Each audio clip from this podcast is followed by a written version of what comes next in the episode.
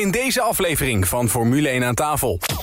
Ja, het wordt helemaal ja. stil. Ja, Ja, dat is ja. echt ongelooflijk. Ja. Mensen laten kopjes uit hun handen vallen. Ja, ik, ik, ik, had, ik schatte hem heel hoog in. Dus dat is- heel hoog. Ik gaf hem echt, nou, dit is een kenner. Maar ja, nou haakt hij Nee, toch af. ik, ik gun je zo dat je gelijk hebt. Als ik, als ik gelijk heb, kom ik volgende week langs. En dan kom ik jullie even in de ogen kijken.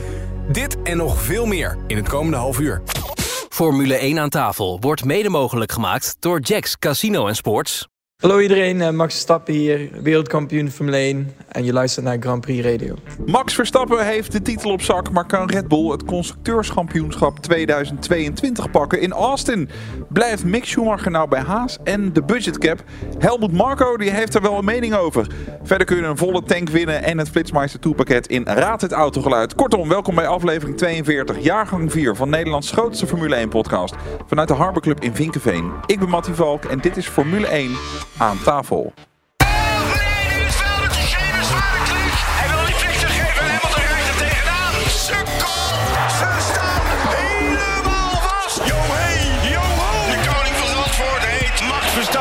De Formule 1 podcast. Formule 1 aan tafel. We gaan eh, lekker vooruitblikken met onze gasten aan tafel. Hij is eh, radio-dj bij 538 en sinds kort presentator van De Lunchshow. En groot Formule 1-liefhebber Koen Zwijnenberg. Hallo, Hey Koen, goeiedag. goeiedag. Fijn om hier te zijn. Ja, leuk dat je er bent. We zagen jou rondneuzen in eh, de comments op ons eh, Instagram-account. En we dachten, die gaan we eens uitnodigen. Ja, dat dacht ik al. Want volgens mij heb jij gereageerd op een filmpje waarin Frans zegt dat de kansen voor Nick de Vries dat hij een stoeltje zou krijgen in Formule 1 bijzonder klein zijn. En jij hebt erop gereageerd. Nou, volgens mij valt dat wel mee, Frans. Ik denk wel dat Nick in de Formule 1 komt. Klopt dat? Nou, ik luister graag naar deze podcast. En het valt me sowieso op dat Frans... eh, ik weet niet wat er gebeurd is tussen jou en Nick de Vries, Frans. Ja, dat heeft, heeft niks met zijn rijden te maken. heeft met zijn houding richting eh, de fans te maken. Hij, als je een interview van hem gezien hebt, die heb je gezien als fan zijnde, Ja. dan zie je dat hij eh, in, in Monaco een interview geeft en dan heeft hij de zon in zijn rug en heeft hij zijn zonnebril op. Nou, die, die, die stemt bij mij alvast niet. Maar goed, het heeft dus niks met zijn rijden te maken. Niks met, niks met zijn rijden, gewoon zijn houding richting de Nederlandse fans. Maar goed, eh, Koen, je hebt uiteindelijk wel eh, gelijk Ik gehad. had heel erg gelijk. Je hebt helemaal gelijk. Ja, dus van harte welkom.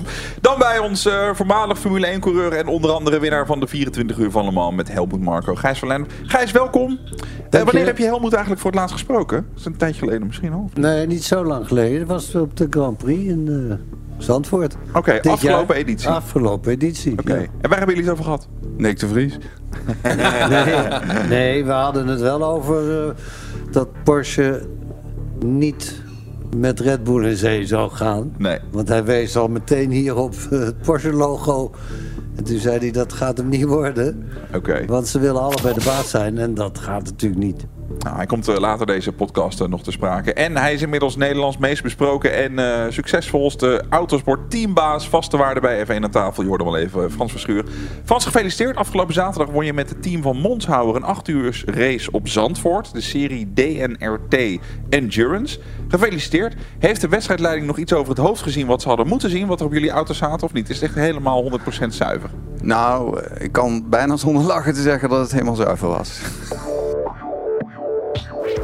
Ja, welke straf gaat Red Bull krijgen na het overschrijden van het budgetplafond? Die veel besproken budgetcap. Helmut Marco, daar is hij. eh, die denkt dat het wel mee zal vallen. De wereldtitel van eh, 2021 zal Max sowieso niet worden afgenomen. Nou, zoveel is al wel duidelijk. Hè? Helmut die zegt, ik wil er niet te veel over zeggen, maar dit wel. Wij geloven nog steeds dat we ons aan het plafond hebben gehouden. De gesprekken met de FIA zijn nog gaande, dus laten we afwachten wat daar eh, uitkomt. Hij zegt ook nog het verleden heeft laten zien dat zelfs extreme overtredingen van de reglementen zeer mild bestraft worden door de FIA. Hij heeft het daarover, ehm, en daarmee doelt hij ja over op de illegale motor van Ferrari in eh, 2019. Het, het is een beetje, eh, het is helemaal heel vaag rondom eh, die bu- budgetcap. Wat denk jij Frans, welke straf krijgt Red Bull? Nou, daar zijn ze denk ik nu nog over bezig. Ze kunnen natuurlijk niet financiële straf geven of, of mindering op het budget volgend jaar. Dat treft die mensen niet. Ik denk dat ze op het constructeurkampioenschap, daar willen ze misschien wat punten van aftrekken. Maar dan nog is het allemaal betrekkelijk. Want waarvoor hebben ze straf gekregen? Dat, daar zijn ze ook nog steeds voor in discussie. Hè? Ja. Eén zegt dat hij te veel in de catering heeft gedaan, de andere te veel daarin. Dus ik denk dat dat natuurlijk in het begin nog even precies eh, gestructureerd moet worden. Alvorens duidelijk kunnen zeggen, oké, je bent er zo zoveel overheen gaan dan 20 of 30 of 40 punten in het constructeurkampioenschap. Ze kunnen de rijder natuurlijk nooit op straffen. Die kan er niks aan doen. Ik hoorde Rick M- Winkelman in het racecafé nog zeggen dat ook Adrian Newey nu te sprake is. Want eh, het zou zo zijn dat hij zou via zijn eigen bedrijf zijn ingehuurd.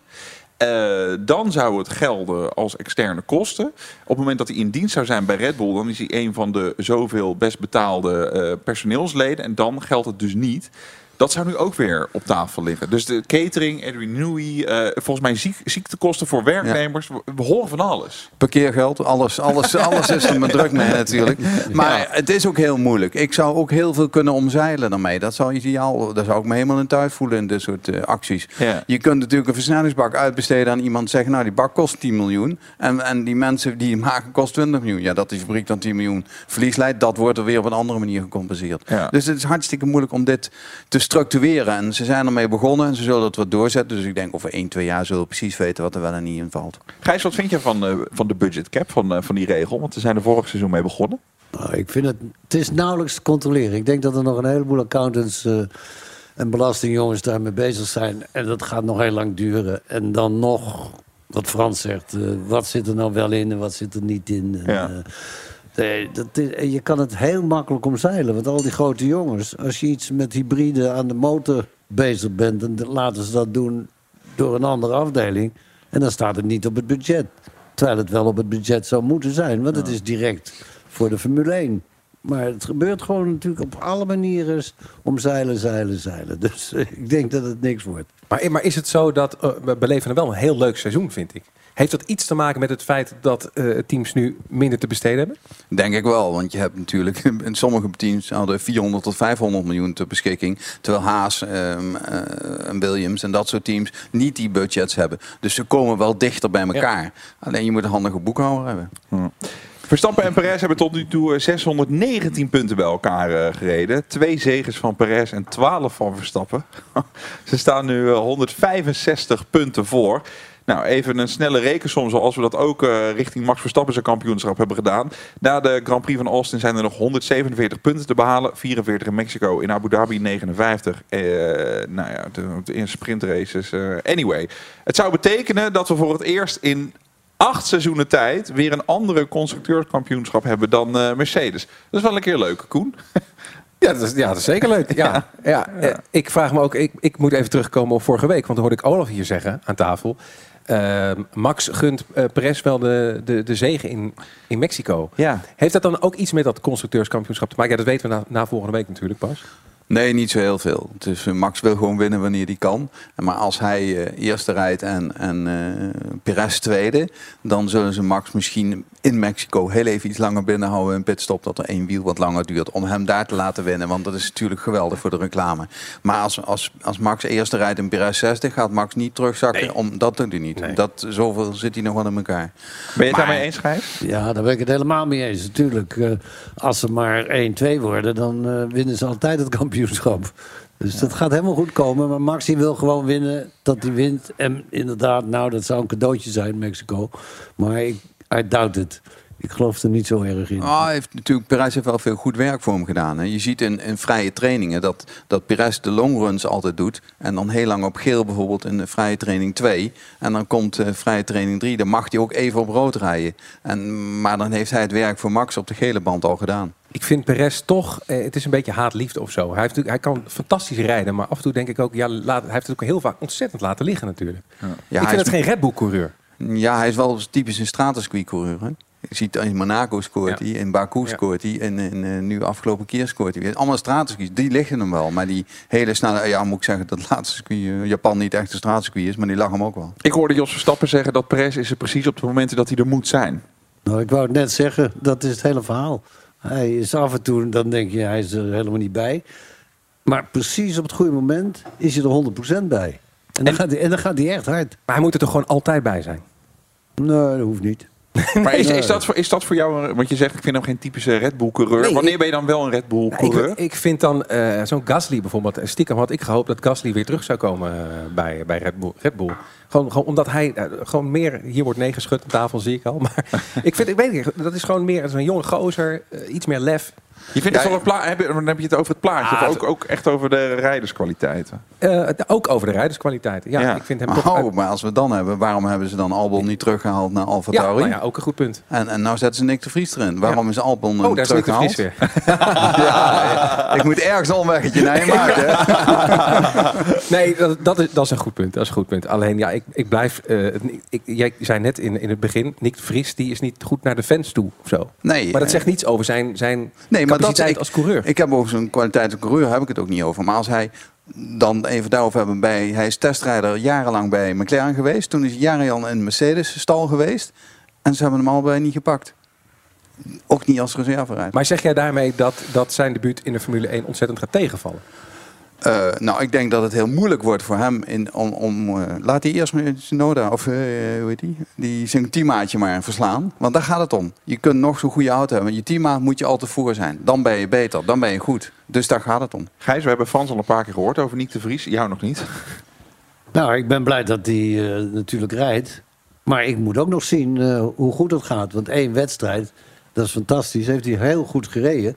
Maar dat moet nou nog blijken dat dat eh, op alle soorten van circuits. En, eh, maar hij is natuurlijk bloed en bloedserieus. Dus wat dat betreft zou het kunnen. Ja. Maar ik eh, vraag het me sterk af. Net zo goed als ik begrijp dat Gasly... Je hebt het erg over Gasly. Maar dat leek mij ook een hele goeie. Maar die gaat dit jaar natuurlijk zo langzamerhand ook. Ik begrijp niet wat Renault met hem moet. Maar hij heeft toch geen goede dingen meer gedaan. Nou, ligt het dan alleen aan de auto? Of- minister Tsunoda kan er op zichzelf wel wat van... maar die kan ook geen auto maken. En het is het zustersteam van Red Bull. Dan snap ik er niks van. Dan snap ik niet dat Gasly niet constant bij de eerste vijf rijdt. Maar dat toch- had hij moeten doen. Ik, ik proef dan zo ook hier aan tafel, bij jullie, eh, echt de kenners eh, van, de, van de autosport, toch niet het echte enthousiasme voordat wij een tweede Nederlander in de Formule 1 krijgen. Wat natuurlijk op zich hartstikke goed nieuws is. Dat is super nieuws. Maar als het management van, om, management van Nick om hem heen al zegt... Ik vraag ik van waarom kom je niet in, eh, bij Jinek of waarom laat je je inbellen bij eh, Humberto? Dan zegt het management en zijn mensen eromheen... Nederland is niet onze markt. Ja, dan zakt mijn broek af. En dat maakt niet in wat voor broek, maar elke broek zakt af. Want dat vind ik gewoon een, een misachting naar de fans in Nederland. En dat is het enige wat ik op hem tegen heb. Maar eh, Frans, dan doet het mij toch een beetje denken aan... ik denk het sportgala van vorig jaar, 2021... waar Max werd uitgeroepen tot sportman van het jaar 2021... die kwam hem ook niet ophalen. Nee, dat klopt. Daar heeft hij ook een soort minachting voor. Maar Max die komt wel voor andere dingen naar Nederland. Hij heeft wel een lintje gekregen of een, eh, hoe heet zo'n speldje van een ridder. Dat heeft hij toch opgehaald. Ja. Speeltje van de ridder. Ja. Hey, ik wil toch nog heel even terugkomen op dat eh, WK voor de constructeurs. Want hoe belangrijk is die titel? Want ik bedoel, je krijgt daar natuurlijk extra geld voor. Maar heb je daar nog wat aan eh, gezien die budgetcap? Nou, je moet zo zien dat die teams nu wel eh, winst gaan maken. hè. Dus als je 150 miljoen krijgt omdat je constructeurkampioen wordt, dat tikt lekker aan.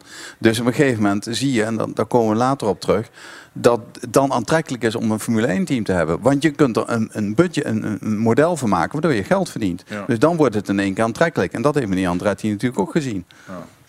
We gaan het hebben over eh Gunther Steiner, de teambaas eh, bij Haas. Die zegt dat eh, Mick Schumacher een goede kans heeft om het zitje bij Haas te behouden voor volgend jaar. Ja, Mick die ligt natuurlijk ook wel eens eh, onder vuur. Vooral voor de zomerstop uh, hij een paar keer. Van de laatste vijf raceweekenden heeft hij drie keer Magnussen verslagen in, eh, in de quali.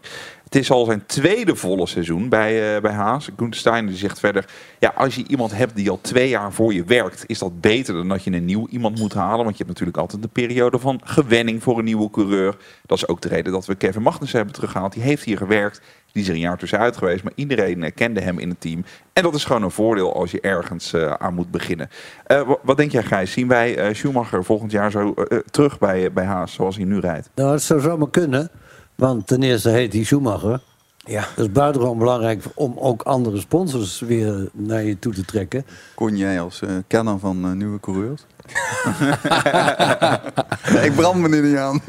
Nou ja, van mij hoeft hij niet weg. Ik, eh, ik vind een Schumacher in de Formule 1 eh, wel geweldig. En ik ben het ook wel eens met de theorie dat hij ook nog even de, de, de tijd mag hebben. Is de eerste aantrekkingskracht van die naam de zoon van er niet een beetje af?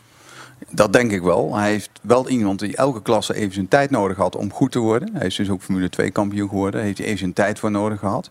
Maar daarnaast is het misschien ook wel een armoedebot. Hè? Er is gewoon niet veel talent op het moment die staat te popelen om erin te komen. Ik vind Theo Poucher, die vind ik nogal erg goed. Ja. Maar die heeft nog net niet genoeg punten. Dus ja, daar gaat het ook weer om. Een Amerikaan willen ze graag hebben, heeft ook weer niet genoeg punten. Dus daar zit wel helaas een beetje een, een, een handicap. Waardoor ze moeten kijken wie dan. Ja, dan maar Schumacher, want die kent het. eh. Hulkenberg. Ja, die is wel een tijdje uit, hè? Ik vind dat zo'n leuke coureur. Ja, is ook een, en spreekt nog Nederlands ook. Nou ja, dat Aardige, aardige jongen, ja. Hele ja, aardige ja, jongen. Maar hij kan toch ook al een potje sturen? Ja, volgens mij. Ja, maar hij is er wel een hele tijd al uit, hè? Dat moet je ook zien. En dan denk ik dat, dat reclame technisch Schumacher meer kan doen voor sponsors dan bij Haas dan, dan een dingen. Maar ze hebben geen Amerikaan, want anders had ze Haas natuurlijk een, een Amerikaan genomen. Fittipaldi rijdt komend weekend vrije training voor Haas. Ja, maar deze Fittipaldi die kan niet zoveel, geloof ik. Giovinazzi kan ook nog. ja, dat vind ik ook een armoebot. Ja, dat, dat Ja, klopt, ja. dus zo vallen er uh, in rap Ja. tempo een hoop af. Ja, ja. ja, we hebben maar een half uur opname, dus we moeten wel een paar skippen. Zometeen na de break in de F1 aan tafel spelen we Raad het Autogeluid. Je kunt dus winnen een volle tank brandstof voor je auto en een Flitsmeister 2 pakket. Hebben we een vraag van eh, Roy Geurtsen. Die gaat opnieuw over de budget caps. Komt Andretti toch in de Formule 1? En we blikken vooruit naar de Grand Prix van de Verenigde Staten. Tot zo. Stap overal in de wereld van Jacks.nl. Check out, check in. Ontdek een wereld aan sportweddenschappen, roulette, blackjack en nog veel meer casinospellen op Jacks.nl. Jacks Casino en Sports. You're welcome. Wat kost gokken jou? Stop op tijd 18+. Plus. Think, Think, Max Korting. Profiteer en race nu naar Dink.nl.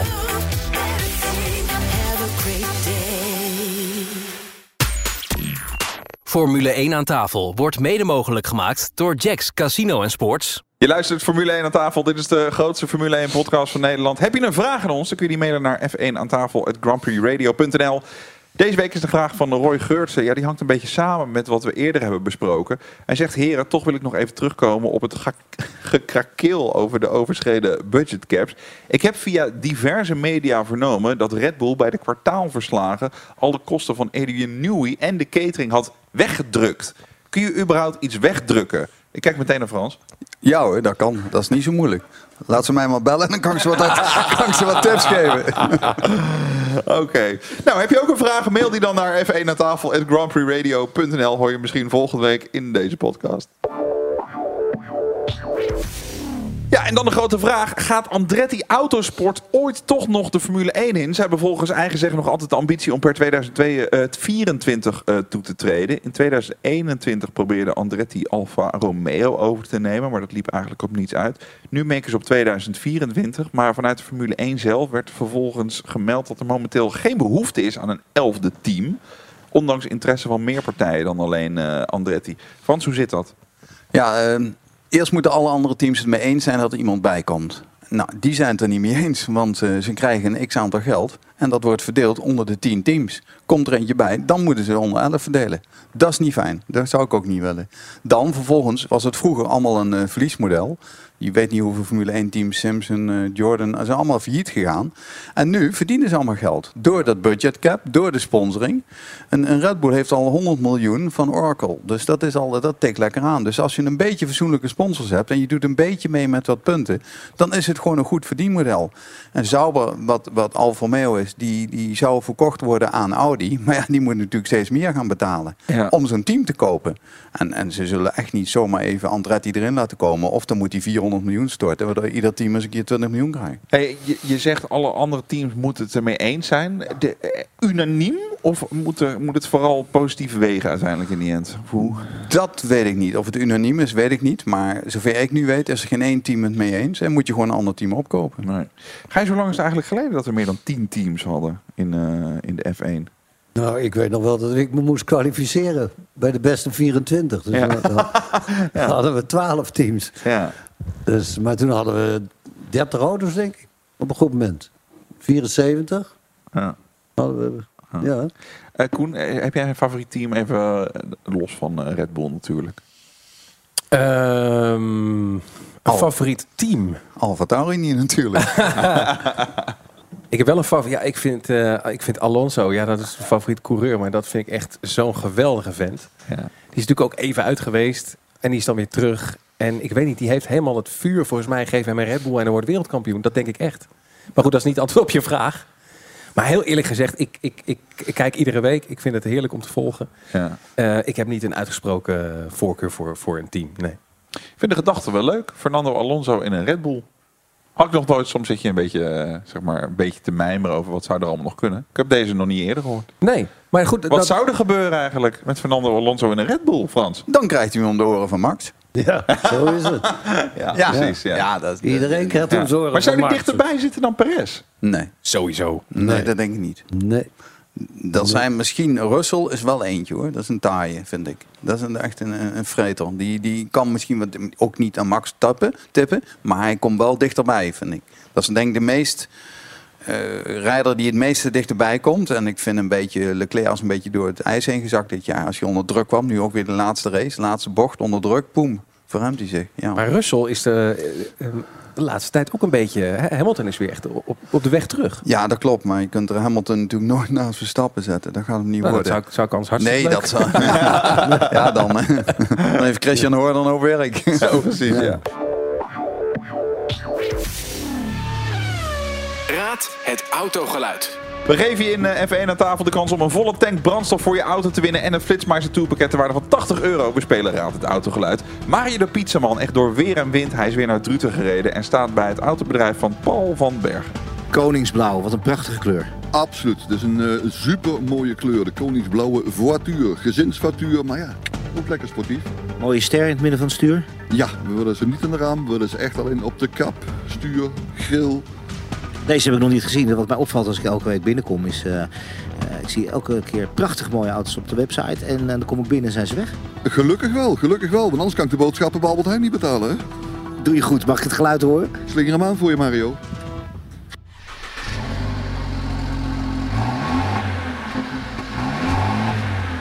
Weer eens een bescheiden geluidje. Waar vinden we deze auto? Deze vinden we op www.paulvanbergen.nl. Daar vind je hem wel.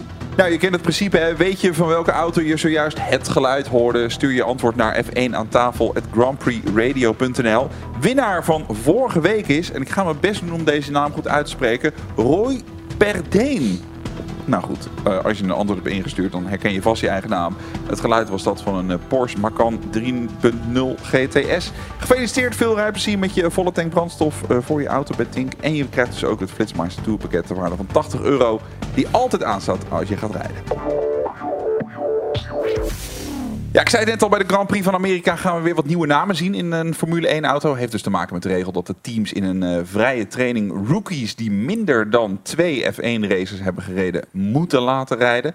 Eh, de namen zijn voor Ferrari Robert Schwarzman, McLaren Alex Palou, eh, Williams Logan Sargent, Alfa Romeo Theo Poucher en Haas Antonio Giovinazzi. Ja, je kijkt dan uit naar Poucher, eh, zei je net Frans. Ja, en William Sargent, die, is nog wel eens, die kan er nog wel eens een keer bij Williams erin komen. Die hebben ook nog eens een stoeltje vrij. Dus dat is iemand, dus een Amerikaan. Die zou er nog wel eens in kunnen komen. Wat vind je zo aantrekkelijk aan Theo Poucher? Wat, Ah, hij is jong, hè? De jongen is was 18, geloof ik, of 18 of 19 jaar. En die is nu tweede of derde geworden bij de, bij de Formule 2. Ja, dan, dan ben je toch wel een beetje een, eh een lefgozertje. Ja.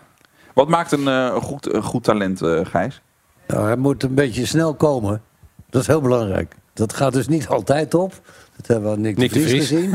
maar dat was met mij ook niet zo in die tijd. Maar je moet eigenlijk als een speer omhoog komen. En dat is precies als je zo'n 18-jarige jongen hebt die al zo hard gaat in de Formule 2.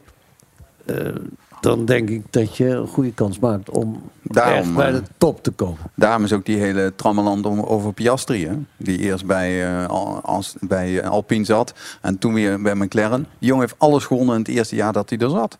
Ja, dan ben je geen, geen pannenkoek. Nee, precies. Het is wel, een, eh, het is wel op zich een goede regel, toch, eh, Gijs, om, eh, om rookies te laten rijden. Ja, ik vind het een fantastische regel. Ik begrijp alleen dat eh, je voor je superlicentie eh, is het best ingewikkeld.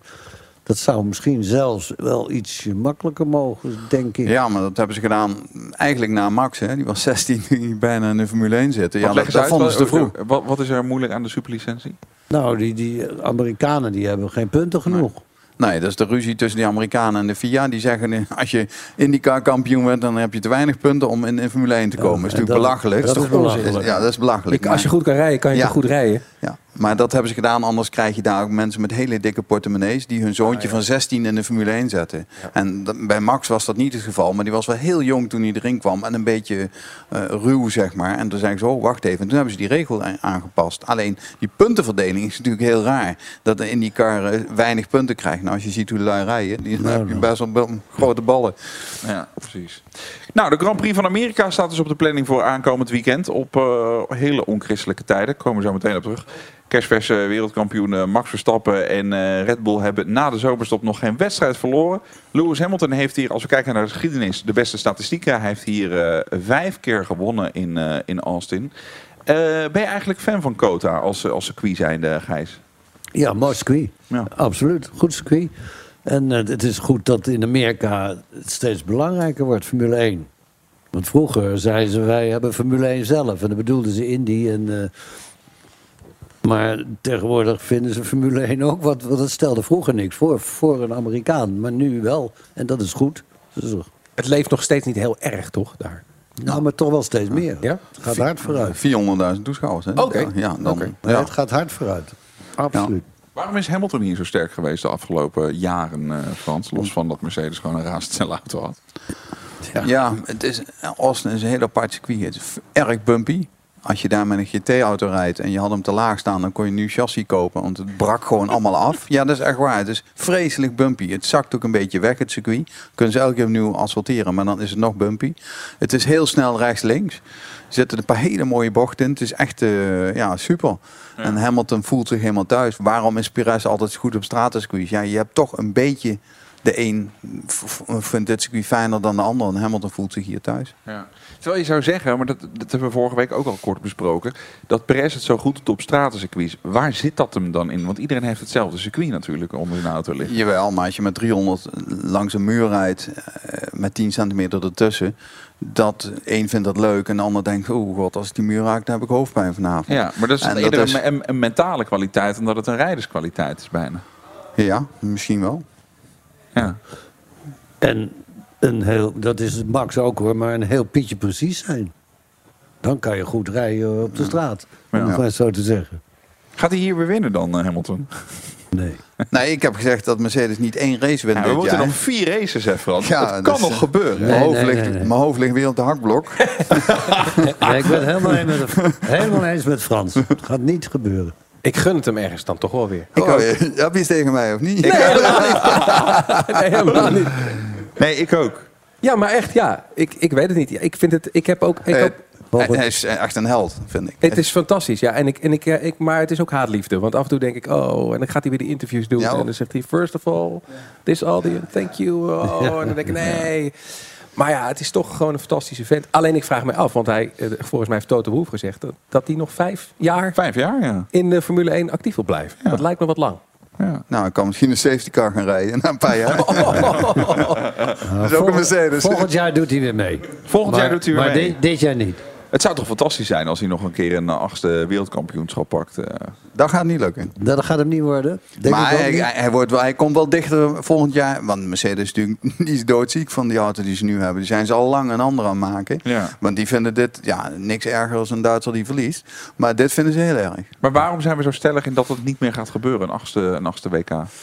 Omdat de Max zo Ja. goed is. Omdat Red Bull zo de flow heeft. En tot 2025 de reglementen eh, bevroren zijn. Dus je kunt niet zomaar een andere auto of een andere motor bouwen. Nee. Dus je ziet dit een beetje uitkristalliseren natuurlijk. Elke keer met updatejes. Maar niet de grote veranderingen zoals we dit jaar gehad hebben. En Mercedes moet dan met iets anders komen. Waardoor ze dichter erbij komen. Ik weet, denk zeker dat ze volgend jaar wel races gaan winnen. En, en misschien wel voor Ferrari zitten. Het management bij Mercedes is natuurlijk wel heel erg goed. Maar toch zie je dan bijvoorbeeld dat Ferrari ineens dit seizoen toch weer...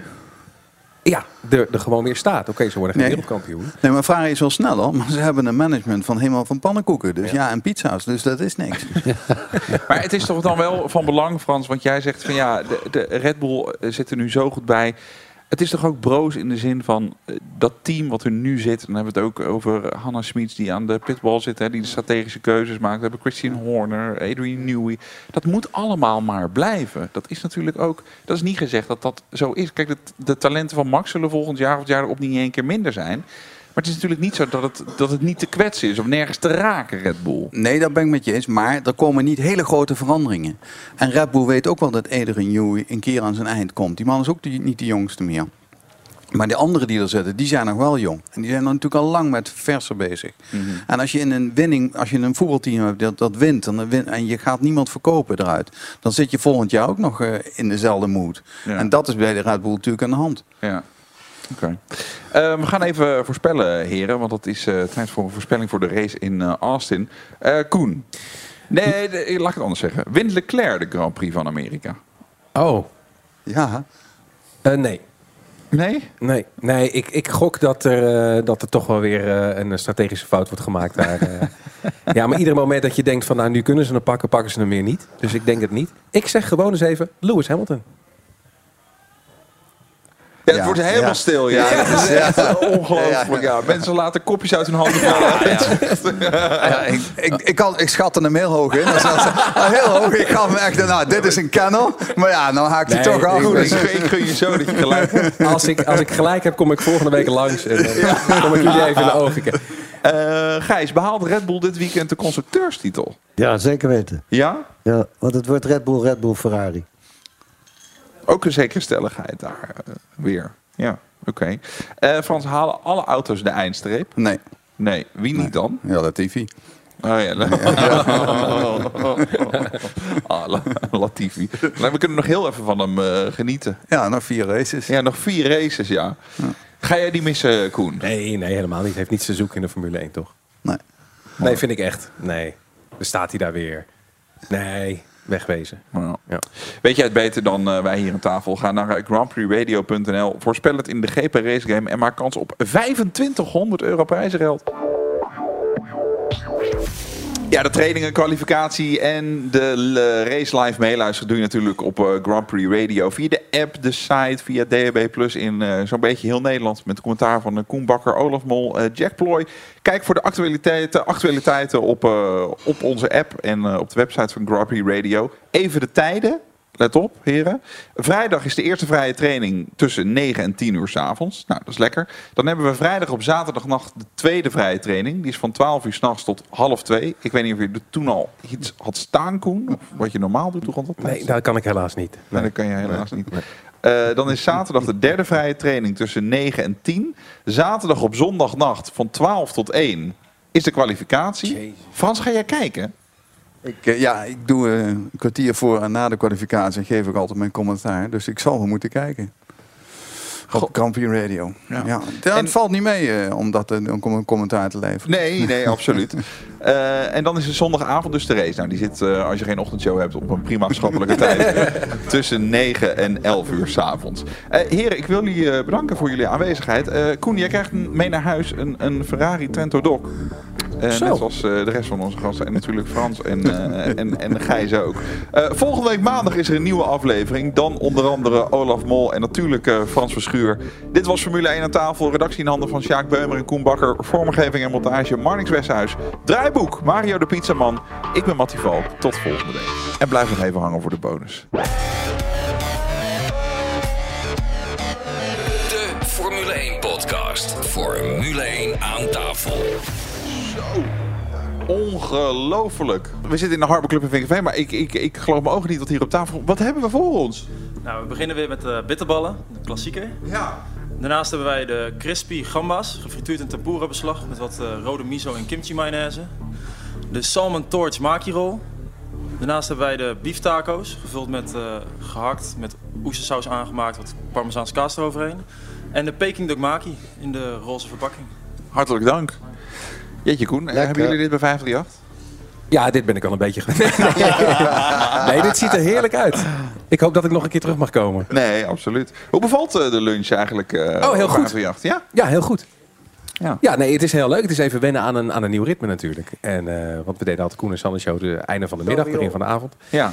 En nu eh, lekker 12-2. En eh, ja, ik begin wel. eh, ik, ik, heb, ik heb het wel naar mijn zin. Ik mag er wel echt een showtje van maken ook. Dus eh, het is Ja. niet alleen maar plaatjes draaien. En dan op vrijdagmiddag eh, zit je natuurlijk wel weer eh, met Sander. Ja. Is dat dan heel anders dan dat het was of niet? Nee, het is niet heel anders. Het, het is eigenlijk een soort warm bad. En zeker omdat we nu één keer in de week doen in plaats van eh, vier keer in de week. Eh, ik weet niet, het is een soort van opgespaarde energie die we met z'n allen hebben. En die, die knalt dan op vrijdag eh, de radio uit. Ja. En we, we kijken daar ook allebei volgens mij eh, ja, toch een, een werkweek lang weer naar uit om dat op vrijdag te mogen doen. En de reacties zijn ook heel leuk. Dus eh, ja, daar zitten we zeer naar onze zin. Nou. Frans, ik hoorde jou laatst ook op 538. Ja, ik zat... eh, er was iemand die zomaar mijn commentaar... eh, Dennis zou zomaar mijn commentaar horen. Dennis Ruijer heeft Ja, gebeld. dat was, eh, was heel goed. Ja. En dat was, eh, Het was heel goed. Ja, we gingen gelijk naar nummer 1 luisteraars eh, van die middag. Oké. Nou, eh, Koen, als jullie binnenkort stijgen. Allemaal, eh, ja. Hier zit hij. Mooi, ja. Ik ben heel benieuwd. Formule 1 aan tafel wordt mede mogelijk gemaakt door Jacks Casino en Sports. Let op. Alle gebruik van hetgeen in deze podcast F1 aan tafel wordt opgemerkt is ongeoorloofd. Zonder expliciete schriftelijke toestemming te zaken verkregen van Grand Prix Radio. Met inachtneming van een duidelijke, deugdelijke bronvermelding met link.